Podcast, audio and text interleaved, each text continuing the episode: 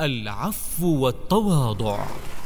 رغب الإسلام في العفو والتواضع وحث عليهما ومن تواضع لله جازاه الله على تواضعه بالعز والرفعة قال عليه الصلاة والسلام وما زاد الله عبدا بعفو إلا عزا.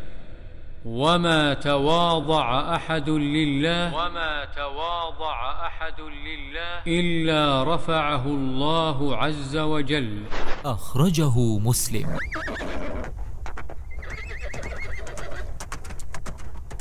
وعن أبي ذر وأبي هريرة رضي الله عنهما قالا كان رسول الله صلى الله عليه وسلم يجلس بين ظهري أصحابه.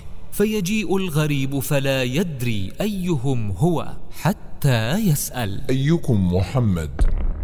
أخرجه أبو داود وصححه الألباني. وعن عبد الله بن عمر رضي الله عنهما قال جاء رجل إلى النبي صلى الله عليه وسلم فقال يا رسول الله كم نعفو عن الخادم؟ فصمت ثم أعاد عليه الكلام. فصمت. فلما كان في الثالثة قال اعفوا عنه في كل يوم سبعين مرة. أخرجه أبو داود وصحح إسناده الألباني. فضائل الأعمال. فضائل الأعمال.